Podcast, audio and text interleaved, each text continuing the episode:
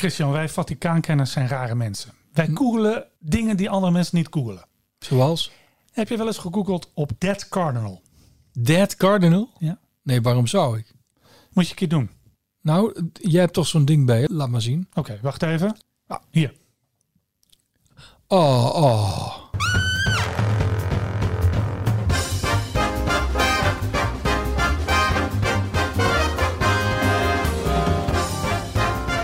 Welkom luisteraars bij weer een nieuwe aflevering van de Trouw-podcast De Roomse Loper. Mijn naam is Christian van der Heijden. En ik ben Stijn Vens.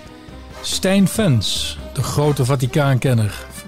Wat is er gebeurd afgelopen zondag 1 september met de paus?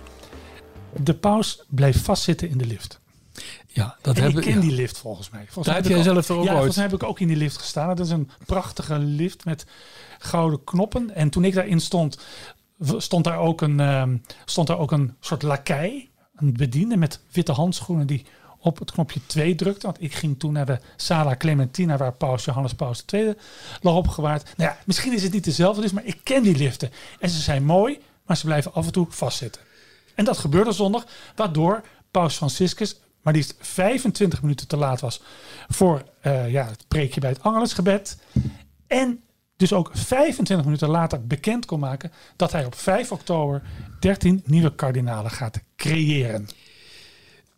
Ja, dat hij die eh 13 kardinalen gaat creëren. Ja, dat je kunt, nee, jij zijn nieuwe kardinalen creëren. Oh ja, gaat het ja, dus Want je kunt geen oude kardinalen creëren. Een creatie is altijd nieuw. Ja, een creatie is altijd, maar ik sluit niks uit in deze. Heel goed. 13 nieuwe kardinalen. Eh, jij hebt die lijst ook tot je genomen. Ja, Ik denk dat onze luisteraars eh, razend benieuwd zijn wat jouw eerste indruk is van die lijst. ja daar staan eh, personen op die, zoals we van hem gewend zijn, veel te maken hebben met de periferie. Dan noem ik een Matteo Zuppi, hè, bekend van het grote interview dat Leo Feijen met hem maakte, vlak bij de kerk der Friezen. Ik bedoel dat interview. Ja, dus toen was hij nog hulpbisschop van Rome. Overigens benoemd eh, door eh, Benedictus XVI. Die had hem al ontdekt. Hij eh, maakt ook deel uit van Sant'Egidio. Ja, ja. Door eh, Franciscus is hij op de zetel van Bologna gezet. En die hebben eigenlijk meestal een kardinaal. Maar toch, die Tsupi is een, eh, is figuur die erom bekend staat... dat hij heel veel doet voor asielzoekers, vluchtelingen en armoedzaaiers.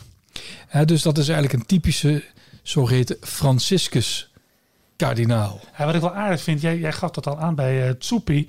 Er wordt natuurlijk naar deze lijst gekeken en ook in de kerkelijke pers over geschreven. In de zin van, dit zijn allemaal typische Franciscusmannen. Maar opvallend is dat bijna iedereen, of misschien wel iedereen... heeft zijn eerste grote benoeming te danken aan of Johannes Paus II... of Benedictus XVI. Precies, precies. En weet je, het is allemaal zo betrekkelijk. Het is ook een beetje het schabloon dat journalisten graag op de Vaticaanse katholieke werkelijkheid leggen. Eh, altijd maar etiketjes plakken. Eh, dat doen we nu ook een beetje aan mee, Ja, gewoon voor de vorm. doen, maar wat me nog meer opviel, is dat ik, eh, want er zijn er dertien, dat er bij drie SJ achter de naam staat. Ja. Het moet eigenlijk zijn SI, hè, want het Latijn kent geen letter J. Societas Jesu, oftewel eh, het genootschap van Jezus, de compagnie van Jezus, de, oftewel de Jezuïetenorde, waar deze paus zelf ook lid van is. Vriendjespolitiek? Nou ja, kijk, er werd bij eh, Johannes Paus II en ook bij Benedictus XVI altijd gezegd... ja, dat is vriendjespolitiek, hij wel. En, en, en deze heeft ooit eens een, een lelijke artikel over Ratzinger geschreven, dus die mag niet. Ja, ik denk dat het inderdaad vriendjespolitiek is. Zo werden er onder de vorige paus heel veel Salesianen bisschoppen. En dan werd verwezen naar Ja. de rechterhand van Ja. Benedictus, kardinaal Bertone, een Salesiaan. Heel veel Salesianen, ja. Maar misschien is het... Maar nu ook, hè, trouwens. Ja, nu ook, ja. Ja, Ja. ja. En opmerkelijk, deze is aartsbisschop van Rabat, Marokko. Dat is nog nooit, nooit voorgekomen.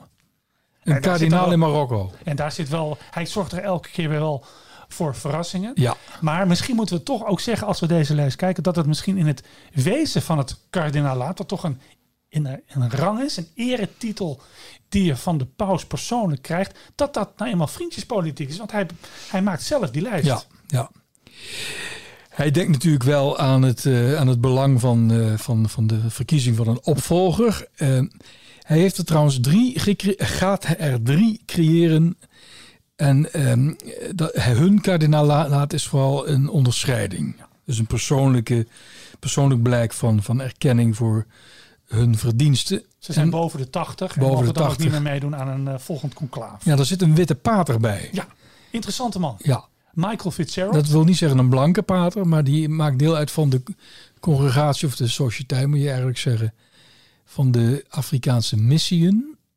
In Nederland bekend en in Vlaanderen vooral als de Witte Paters. Ja, dus de, de kleur eh, slaat niet op hun huid, maar op hun kleding. Juist. Ja.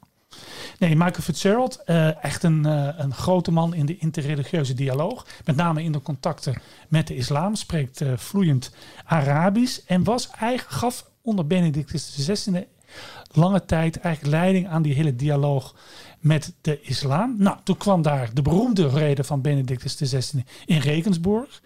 Hè, die, ja, hoe moet je dat zeggen? Die een wat krachtiger signaal liet uitgaan naar de islam van ja, eh, wel meer kritisch, meer echt een inhoudelijke dialoog. En eh, het verhaal gaat dat die Fitzgerald daar niet gelukkig mee was. Hè. Dat was dat verhaal van zeg mij wat, zeg mij Mohammed. Hoe gaan we het citaat ook alweer, Christian? Ja, you put me on the spot. Ehm, even uit mijn hoofd. Ehm, hij haalde toen een eh, Byzantijnse keizer aan, volgens mij van het huis Paleologus. En die zei toen: eh, Mohammed, zeg mij, wat heb je nou? Weet ik veel, joh. Dat moet ik even opzoeken, want dadelijk hebben wij ook een. eh, een, gedoe aan onze broek, hè? Dan zullen we dadelijk hier bommen aantreffen in dit dan- pand van trouw. dan Draaien we nu even een, een, Een plaatje. een plaatje en dan zoeken we het even op. Dan zoeken we het even op. Wat voor plaatje zullen we draaien? Nou, iets interreligieus. Of misschien een leuk Tiroler muziekje. Dat is altijd beter.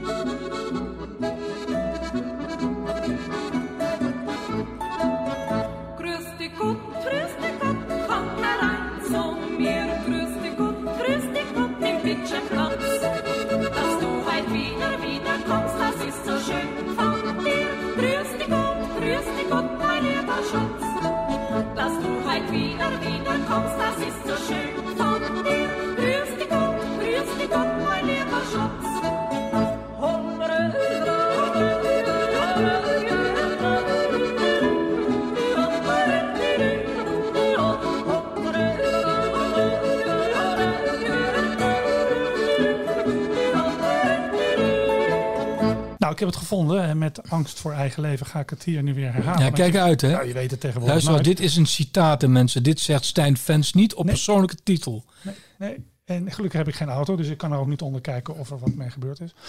Laat mij zien wat Ron Mohammed voor nieuws heeft gebracht. En je zult er slechts slechte en onmenselijke dingen vinden. Zoals zijn gebod om het geloof dat hij predikte te verspreiden met het zwaard. Ja, dus dit is ook geen citaat van Benedictus XVI. Dit is een citaat van een citaat door Benedictus XVI. Ja, Van een Byzantijnse keizer Manuel II. Die had natuurlijk te maken. Hè, zijn, het Byzantijnse Rijk werd voortdurend aangevallen door moslimlegers. En die zei: Ja, wat is dat eigenlijk voor een godsdienst, die islam? Wat voegt hij nou toe? Nou, Ja. nadat dit is uitgesproken, vlogen Maar- in de Gazastrook de Ja, er zijn- Molotov cocktails richting de Er kerken. zijn echt dooien bij gevallen. Ja. Door deze Zijn er verkeer. gevallen? Jazeker. Door, er is zelfs ook, ook een, iemand in, in een Afrikaans land vermoord hier, door, door, en die is zalig verklaard. By the way. Dus ieder nadeel heeft wel echt zijn voordeel. Ja. Eh, maar terug naar deze neo-kardinaal. Nou, die, die Fitzgerald was daar dus, zeggen, zeggen mensen in Rome, niet gelukkig mee. En is op een gegeven moment, is dan het verhaal door Benedictus op een zijspoor gezet. Hij werd ambassadeur in Egypte. Precies toen daar de Arabische lente... Ambassadeur, dat is eh, NOS eh, voor Ja, eh. NOS-taal voor apostolisch nuntius. Hij was apostolisch nuntius in NOS-taal ambassadeur in Cairo. En was daar ook toen die hele Arabische lente uit. Nou ja, het grappige is, de man is nadat hij met emeritaat is gegaan, teruggegaan naar Engeland. En is op dit moment pastoor in de binnenstad van Liverpool. Ja. Dus straks hebben die door ons zeer geliefde katholieken van het, de Beatles bedevaartsoord Liverpool hebben straks een kardinaal als pastoor. Is toch geweldig? Ja, en zo Maar doen wij nu eigenlijk niet waar, wij ander, waar je anderen net van beschuldigd hebben? Dat, ehm, waar jij net anderen van beschuldigd hebt, dat wij eh, kerkpolitieke eh, tinten gaan duiden in zoiets als een lijst met nieuwe kardinalen. Schablonisering. Ja, schablonisering. Ja, ik wou het net zeggen. Ja, dat doen wij inderdaad een beetje, want ehm, dat verwachten de mensen van ons. Maar we proberen er toch een andere kijk op te bieden. Eh, overigens, waar je het net over had, over deze pastoor Fitzgerald. Het is geen Ier, zoals iemand ook schreef, maar een, eh, een, een Engelsman. Dat zou ik nooit zeggen. Eh, althans, hij eh, is, is Brits onderdaan. Ehm, Wat, wat ik ook nog wil zeggen. was- maar deze, dat is een erekardinaal. Hè? Maar waar het eigenlijk om gaat, en daar willen we het nu over gaan hebben. Dat zijn die tien kandidaten die jonger zijn dan 80. even toch aardig om even te zeggen waar die, waar die leeftijdsgrens ooit vandaan is gekomen. Dat heb Nou. ik al gehoord, is dat in het conclaaf van 1963, Johannes de 23 was dood en er moest een nieuwe paus komen. Daar zat een eh Filipijnse kardinaal, een hele oude kardinaal, die echt geen idee had waar hij was en wat hij er moest doen. Dus toen die stembriefjes werden uitgedeeld, vroeg hij aan zijn Amerikaanse buurman: Wat moet ik nou eigenlijk opschrijven? Toen zei die Amerikaanse buurman Montini. M-O-N-T-I-N-I. De aartsbisschop van Milaan en de grote favoriet in dat conclaaf. Nou, dat heeft hij keurig gedaan. Montini werd gekozen, noemde zich Paulus VI. En hoe kreeg dit verhaal te horen? En heeft meteen gezegd: We gaan iets aan die leeftijdsgrens doen. Zullen we ze eens even Nou, allemaal noemen? Ja, noem, ga jij ze eens even opnoemen? Ik, ik luister, eh, vergeef mij dat het misschien niet allemaal zo goed is, want het is, valt echt niet mee. Maar u kunt eerste. eventueel, eh, eventueel bezwaar maken. mail. Miguel Angel Ayuso Guixo. Zeg ik dat goed? Ja, Nummer 2. José Tolentino Calacha de Mendonça. nou dat zeg je zelfs heel erg goed. Ja. En nu de hele moeilijke. Dat is namelijk een Indonesiër. Ignatius Suharyo Harjo Atmojo. Ik ben sprakeloos. Nummer 4. Juan de la Caridad Garcia Rodriguez. Havana. Havana, Havana. Cuba. Dan krijgen we, ja, die is lid van onze geliefde Capucijnerorde. Trouwens, nog even over de Capucijnen. Wij hebben luisteraars een paar maanden terug een special gemaakt over de Capucijnen. Je gaat toch niet zeggen dat hij niet onopgemerkt is gebleven? Nou, dat is toch schitterend. In het prachtige periodiek Kap en Koord, daar worden wij genoemd. Ja. Het is dus bij onze Capucijner vrienden niet onopgemerkt gebleven. Dat vinden wij beide een grote eer. Nou ja, en onze liefde, Waarvoor voor de, onze liefde voor de orde van de heilige slordigheid is, nog, is alleen nog maar groter geworden. Absoluut. Ja. In ieder geval, deze orde levert eh, ook een nieuwe kardinaal. Die is nu aartsbisschop van Kinshasa in Congo. Ambongo Besungu. En nou, de volgende, en dat vind ik een hele mooie. Dat is Jean-Claude Hullerich. Daar moeten we het toch even over hebben. Nee, maar daar hebben we het al over gehad. Ja, dan moeten we We het toch nog hebben een hebben. paar maanden geleden hebben wij hem eigenlijk al eh, voorspeld paus te worden. Ja. Nou ja, en waarschijnlijk heb ik toen ook Maar hij moest alleen nog kardinaal worden ge- gecreëerd. Maar dat wisten wij niet. En nu is het zover.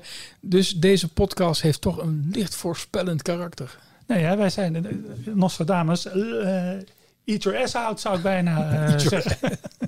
Nee, maar eh, kijk, wat ik over die Hullerich toen waarschijnlijk ook verteld heb, is dat hij dat bij de misbruiktop in februari, hè, toen kwam hij altijd drie kwartier van tevoren aan, aanlopen, drie kwartier voor het begin.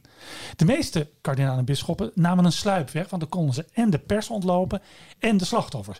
Hij kwam elke dag, hij ging letterlijk door het vuur heen, zou je kunnen zeggen. Nam uitgebreid de tijd om met de slachtoffers te praten en eh, in trouwens voortreffelijk Engels. Eh, dus toen heeft hij mijn hart wel gewonnen. Verder vind ik het ook fijn dat het land waar ik in 1974 reeds op vakantie ben geweest, Luxemburg, en waar wij bijna doorheen gereden waren, zo klein is het, dat dit nu een kardinaal heeft. Een kardinaal die ook nog eens eh, voorzitter is van de commissie van bisschoppenconferenties van de Europese Unie. Komeetje. komeetje. En in die hoedanigheid is hij onlangs ook op Lesbos geweest. En heeft daar ook zijn schande uitgesproken over de, de toestand daar in de vluchtelingenkampen. Kortom, en eh, ja, het wordt een beetje een dooddoener. Echt wel een Franciscus kardinaal. Niet alleen omdat hij ook Jezuïet is, maar ook omdat hij vindt dat de kerk in zo'n kamp aanwezig moet zijn. De kerk zijn gezicht moet laten zien. Wat ik ook zo mooi vind. Hij was oorspronkelijk lid van de Jezuïetenprovincie van, Japan. dat bedoel ik, Ja. de volgende. En daar gaan we het straks iets uitgebreider over hebben, want volgens mij is, is die wel eh, paradigmatisch voor het selectiebeleid van Franciscus. Dit Paradi- is par- paradigmatisch zeker. Alvaro Leonel Ramazzini Imeri. En die is bisschop van, en nou komt hij, ik heb het opgeoefend, Hue Hue Tenango Ja, je, in praat, Guatemala. je praat een beetje alsof je een heet Nee, maar ik heb dat in opgezocht op, op YouTube. Hoe, hoe zeggen de Guatemaltezen? Teken? Nee, Ja. Guatemalteken. Of hoe, eh, wat is het nou? Guatemalteek. Guatemalteek, Ja. Hoe spreken die nou die naam uit? En dat, is, dat gaat zo snel, dat is Hoe Hoe Tenango. dan Matteo Zuppi, daar hebben we het al over gehad. En dan krijgen we een Salesiaan. Eh, Cristobal López Romero. Is volgens mij een Spanjool. En die is nu aartsbisschop van Rabat, hebben we het al over gehad. Dan een Jezuïet, Michael Czerny. Dat is opmerkelijk, hè? Heel opmerkelijk, is want dat is dus- eigenlijk, die, die man is niet eens bisschop. nee, ondersecretaris van een Ja, ja, Maar hij is wel priester, hè? Maar de wet schrijft voor dat hij, voordat hij het, het, eh, eh, de rode hoed krijgt uit handen van de paus, dat hij dan al bisschop moet zijn gewijd. Nou, vaak hoor je mensen zeggen, waarom benoemt de paus eigenlijk geen vrouwen tot kardinaal? Er is zelfs een hele geleerde professor theologie die zegt, theologisch is er helemaal niets tegen de kardinaalcreatie van een vrouw. Nou, beste professor, theologie gaat helemaal niet over het kardinalaat. Dat is gewoon een kerkelijke regel die ooit historisch is gegroeid. Maar die kardinalen die zijn gekozen uit de klerus van Rome van oorsprong. Met andere woorden, een kardinaal is per definitie lid van de geestelijkheid, van de klerus. Ja? En aangezien vrouwen nog geen diaken kunnen worden, kunnen ze ook geen kardinaal worden. Ja, maar zeggen ze dan, vroeger had je toch ook lekenkardinalen? Ja, Wou maar dat, ja, maar dat was een aberratie. Dat was een misstand. Hè? Dus je kunt nooit zeggen, ehm, je kunt nooit een, een, een, een hervorming baseren op een misstand. Maar zelfs een zalige paus als Pius IX heeft in 1858 een lekenkardinaal. Nee, een leek tot leek- kardinaal. Een leek tot kardinaal gemaakt, om het maar even plat te zeggen. Ja, en is die daarna niet gewijd? Zullen we dat? Nou, nee, maar- even verder. Ik zoek Ja het maar, even op. ja, maar in de nieuwe codex, het nieuwe kerkelijk recht, hè, eh, eh, d- eh, daar is namelijk de, de wijdingsmacht eh, en de bestuursmacht die eh, zijn, zijn verenigd. En vroeger kon je bijvoorbeeld op een, eh, had je bijvoorbeeld leken als bisschop. Die zijn nooit bisschop gewijd, maar die eh, kregen wel alle inkomsten van een bisdom. Dat waren eh, hoge edellieden. En die, die hadden dan de benoeming van de paus gehad, of van de koning, hè, aartsbisschop van. Ja, die bisschopswijding die komt dan een keer. Maar het was ook een misstand. En dat kon volgens het toen geldende kerkelijk recht. En die misstand die is dus in 1983 verholpen met de invoering van de nieuwe codex. Ja, ik heb het eh 1858. Eh, Ja. Dat is een kardinaal Mettei. Ja, Ehm, en eh, ik zoek nu nog even. Ga, even nog even door. Ik ben, ik ben, het is een beetje twee voor twaalf. Ja. Maar ik, eh, ik zoek het nog even. Zoek het precies nog op. even op. Nou, in ieder geval wat we kunnen zeggen over die Czerny, eh, die dus nog geen bisschop is. Het kan trouwens maar zo zijn dat hij als jezuïet zijn, want als een jezuïet zegt van ik pas, ik, ik wil geen bisschop worden gewijd. Als hij daar een hele goede reden voor heeft en eigenlijk de reden die hij daarvoor het best kan aandragen is namelijk ik ben lid van de Sociëteit van Jezus. Jezuïeten worden geen bisschop, alleen in uiterste gevallen eh, dat, dat, dat kan dan worden gehonoreerd. Dat is al eerder gebeurd bij Jezuïeten die eh, kardinaal eh, gemaakt zijn. Maar het bijzondere van, van zijn benoeming is dat hij eh curie eh, ehm, is. Of prelaat. Hij werkt voor, voor een eh curie eh, dicasterie. maar dan niet als hoofd, maar als ondersecretaris. Niet alleen, niet alleen als secretaris, nee, ondersecretaris. Ik hoorde jou zelfs het woord kantoorklerk. Hij is overigens wel de chef van de afdeling, of moeten we zeggen de sectie migranten van het dicasterie voor de promotie of de bevordering van de integrale humane ontwikkeling. Even, dat is een, een, een nieuw dicasterie. Dicasterie is, een, is een, een, een afdeling van de Romeinse curie. Ja, ik even een belletje. Belletje, tring, belletje. tring, ja. Tring, Astrid ik heb het gevonden. Eh, kardinaal eh, Mertel, eh, om precies te zijn, kardinaal Theodol van Mertel, werd in 1858, dat zei ik al, door Pius IX benoemd tot, of gecreëerd zou je kunnen zeggen, tot kardinaal diaken. Eén dag later ontving hij de wijding tot diaken. Ja. Goed, dan hebben we ze alle tien gehad. En ehm, jij wilt nog graag iets zeggen over, ehm, over wie eigenlijk? Nee, jij, wil- jij wil iets zeggen over Ramazzini. Oh ja, Ramazzini. Ja, nou, Ramazzini. ik heb namelijk, en dat wist ik al eerder, nou, ik heb een tijdje geleden, vlak voordat hij afscheid nam als diocesaan bisschop van Roermond, een interview gemaakt met Monseigneur Frans Wiertz. Wiertz is, heeft heel veel reizen gemaakt, want hij wilde de, de gelovigen van het, van het bisdom Roermond laten zien dat de kerk groter is dan Limburg. Ja. Eh, en, en ik kan me voorstellen dat hij daartoe heeft besloten, omdat Limburgers wel eens denken dat zij het centrum van de wereld vormen. Is ook niet zo gek, prachtige provincie. Maar hij heeft dus heel veel reizen gemaakt en allemaal naar orde, of bijna allemaal naar orde, waarvan hij de bisschoppen al kende. Die bisschoppen die klopten namelijk aan de deur van het missiebureau van het bisdom Roermond. Het, het bisdom Roermond is het enige diocese in Nederland met een eigen missiebureau. En eentje daarvan was Alvaro Ramazzini Imeri. En die was toen bisschop van San Marcos in Guatemala. Die klopt dus aan de deur in Roermond. Ik heb geld nodig. Ja, want ze komen natuurlijk altijd voor geld. Ja, Ik lees even voor uit een, eh, uit een, een, een interview dat ik toen met hem heb gemaakt. Ook voor gepubliceerd. ik lees voor uit eigen werk. oké. En eh, hij beschrijft eh, deze Ramazzini, hè, dus die wordt 5 oktober kardinaal, als volgt. Een forse, stevige kerel en een zeer uitbundige, extraverte man. Heel sociaal bewogen. Hij nodigde mij steeds dringend uit naar Guatemala te komen. En op een gegeven moment besloot ik daarop in te gaan. Even voor het goede begrip, al mijn reizen heb ik altijd uit eigen zak betaald. Vind je toch mooi dat hij dat er even bij? Ja, is Nou, in ieder geval komt hij daar aan in Guatemala. Hij zegt uiterlijk een aards paradijs, maar Guatemala likt nog steeds de wonden van een burgeroorlog. En die heeft daar maar liefst ja, 36 jaar geduurd. Dus dat was een enorme strijd tussen het, eh, het, het, het regeringsleger eh, tegen linkse rebellengroepen. Eh, twee jaar na die oorlog, in 1998, werd een onderzoeksrapport over mensenrechten schendingen gepubliceerd. En de voorzitter van die onderzoekscommissie was een monseigneur Gerardi. Eh, die was de hulpbisschop van het aartsbisdom Santiago de Guatemala. Eigenlijk het belangrijkste eh, bisdom van Guatemala.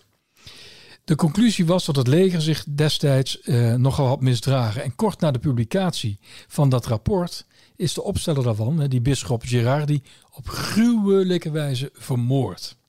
En later is vastkomen te staan dat legerofficieren daarvoor verantwoordelijk waren. Wiers is door kardinaal Quesada, toen de toenmalige aartsbisschop van Santiago de Guatemala, naar dat graf gebracht van deze monsieur Gerardi. Dus hij, ehm, hij sprak daar over de, de strijd van de kerk voor de rechten van de Indianen. Ja. Mogen we eigenlijk niet meer zeggen. Nee, de inheemse, India. inheemse Ja. volken. Maar wat ze daar zeggen, zijn, is, da- daar in Guatemala hebben ze het over de indigenas. Ja, dat, is, dat woord gebruikt de paus Ja, ook veel. Hè? Ja, en dan moet je weten, die indigenas, dat waren gewoon hele gelovige katholieken. Niet allemaal natuurlijk. En stel dat die priesterroeping hadden, die mochten geen priester worden. Dus die Europeaanse elite van het land weigerde hen de toegang. Iets wat nu verschrikkelijk wordt geacht. Nou. En eh, na dat be- be- bezoek aan het graf van Gerardi is Wiertz naar San Marcos gegaan. En wie was daar toen bisschop? Ramazzini. Daar is hij weer. Alvaro. Daar is hij weer. En eh, die Alvaro die moest toen permanent worden bewaakt. En waarom? Omdat hij zich namelijk had uitgesproken tegen een of andere, eh, een of ander bedrijf uit Canada. En die was daar, eh, die hadden daar een, een mijn. En die, eh, die wilde daar een eh, goud zoeken. Ja, dat, dat, dat was Ramazzini niet op tegen. Want, want arbeiders werden uitgebuit. De natuur werd kapot gemaakt. En, ehm, en Ramazzini ging er toen met gestrekt been in. En omdat de staat bang was dat, dat hij ook vermoord zou worden... heeft hij toen van regeringswegen bescherming aangeboden gekregen. Dus hij werd altijd omringd met van die zware jongens. Eh, dus dat goud, dat was, ja, dat was iets verschrikkelijks, want dat vergiftigde de rivieren. En, die, en, en, en eh, het was een ramp gewoon voor de ecologie, dus ook voor de indigena's. Nou, die Ramazzini die heeft heel veel doodsbedreigingen gekregen. Maar hij ging door en hij spande zich tot het uiterste in en hij heeft het overleefd. En wat ik nou zo mooi vind is dat zijn werk voor de Indianen en zijn strijd voor de sociale gerechtigheid niet onopgemerkt gebleven is in Rome. Hij is nu bisschop van een, nou moet ik even weer spieken, Ja, want ik kan de naam even. gewoon niet onthouden. Hij is nu bisschop van Hue Hue Tenango. ja, Hue Hue Tenango. Dan? Maar dan moet ik even eh, kijken, want namelijk dat is Nou een Ja. van een aartsbisdom waarvan ik de naam helemaal niet kan uitspreken, want die heeft drie hele moeilijke namen. Maar in principe is de metropoliet aartsbisschop Ja. ja. eigenlijk in rang hoger dan Ramazzini. Maar daar trekt deze paus zich dus helemaal, niets, Helemaal niets. niets van aan. Maar als ik het eh, goed begrijp, heeft, kent de paus deze Ramazzini van de CELAM-conferentie. hè, De verzameling van, ja, ja, van Latijns-Amerikaanse bisschoppen die, eh, uit 2007. Ja. Waar Bergoglio, hè, toen nog kardinaal Bergoglio, een grote rol heeft gespeeld. Ja, zo zie je dat oude contacten worden bij zo'n kardinaalscreatie ook weer even aangehaald. ja. Een hele moedige man die dus heel vaak in Roermond is geweest. En het zou zomaar kunnen, hè, waarom niet, Ja, waarom niet? dat hij paus wordt. Ja. Het is een wereldheer, dat dan weer wel.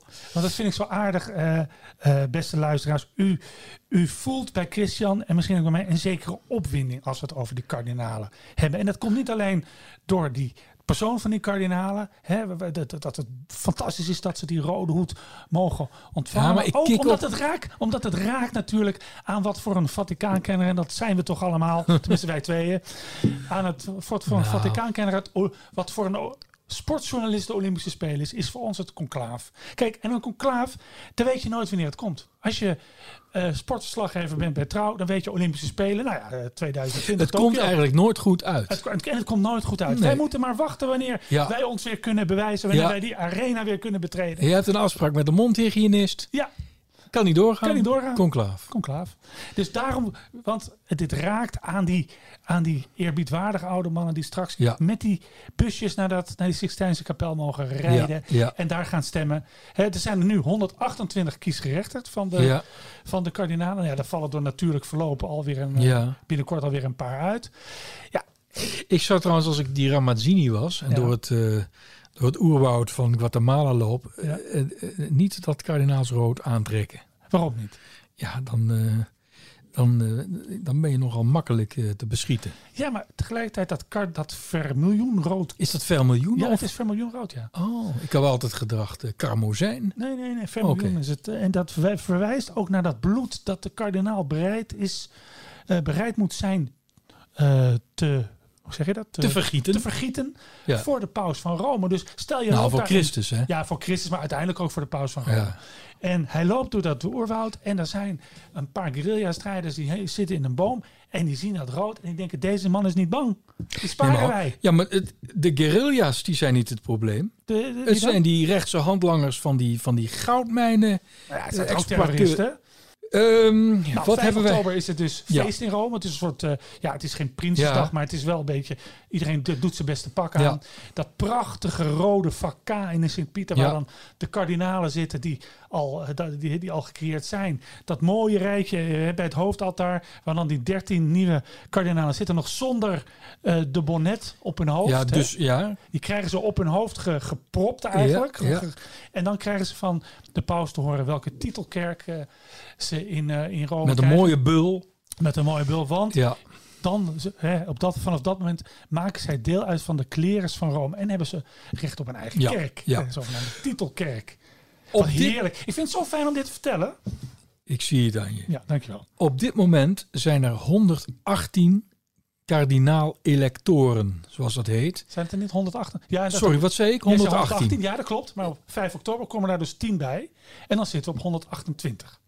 Als er tussentijds niemand doodgaat. Maar in diezelfde maand eh, gaan er vier met pensioen, zou je Ja, dat kunnen zei zeggen. ik net. Dus het natuurlijk verloop. Ja. Of met pensioen. Ze mogen dan niet eh, meer deelnemen aan een eventueel conclaaf. We noemen toch even de namen. Op 7 oktober is dat eh Misschien kardinaal Mons- onder. Zo'n zo'n drum zetten er even onder. Mo- Monsengo Passinha. En die kennen we natuurlijk omdat hij lid was van de Raad van Kardinalen, maar da- daar is hij al lang van afgezwaaid. 11 oktober Grogolewski. Ja, Grogolewski. ja de, de oud-prefect van de congregatie voor de katholieke opvoeding. Ja, hij is de auteur van de tekst waarin heel duidelijk staat, een tekst van een instructie voor het katholiek onderwijs, ook de seminaries, dat mensen met een diep gewortelde neiging tot eh, homoseksualiteit niet welkom zijn op een seminarie. Ja, toen En zei hij, de ook dat- auteur van. Hij vond dat ook een volkomen normale opmerking. Want hij zei, iemand met hoogtevrees wordt ook niet toegelaten tot Nee. de astronautenopleiding. Nee. Maar even toch wel, deze tekst is nooit tegengesproken door Paus Franciscus. Sterker nog, die is een keer bevestigd. Ja. Wie ben ik om te oordelen, weet je nog? Ja, ja, ja. Goed. Ja, ja. En dan hebben we op 14 oktober kardinaal Menichelli. Ancona, Ja, komt van Ancona. Italiaanse stad. En op 15 oktober wordt eh, kardinaal Toppo 80. En dat gaan we vieren. Toppo uit India. Dus dan zitten we op 124. Vier boven het maximum van Paulus VI. Daar heb je hem weer. Ja, Want die zei dat- maximum aantal 120. Ja, maar dat is eigenlijk dat is wel vaker voorgekomen. Er wordt nu ook weer gezegd, ja, Paus Franciscus weer een noviteit. Hè? Hij, hij, hij gaat acht boven die, die vermalendijde 120 zitten. Maar Johannes Benedictus II heeft er ook. En Ja. volgens mij Benedictus ook. Dus, eh. Goed, nou Christian. Ik zou zeggen, als je hier naar, naar deze podcast hebt geluisterd... kan je nooit zeggen, ik was niet op de hoogte.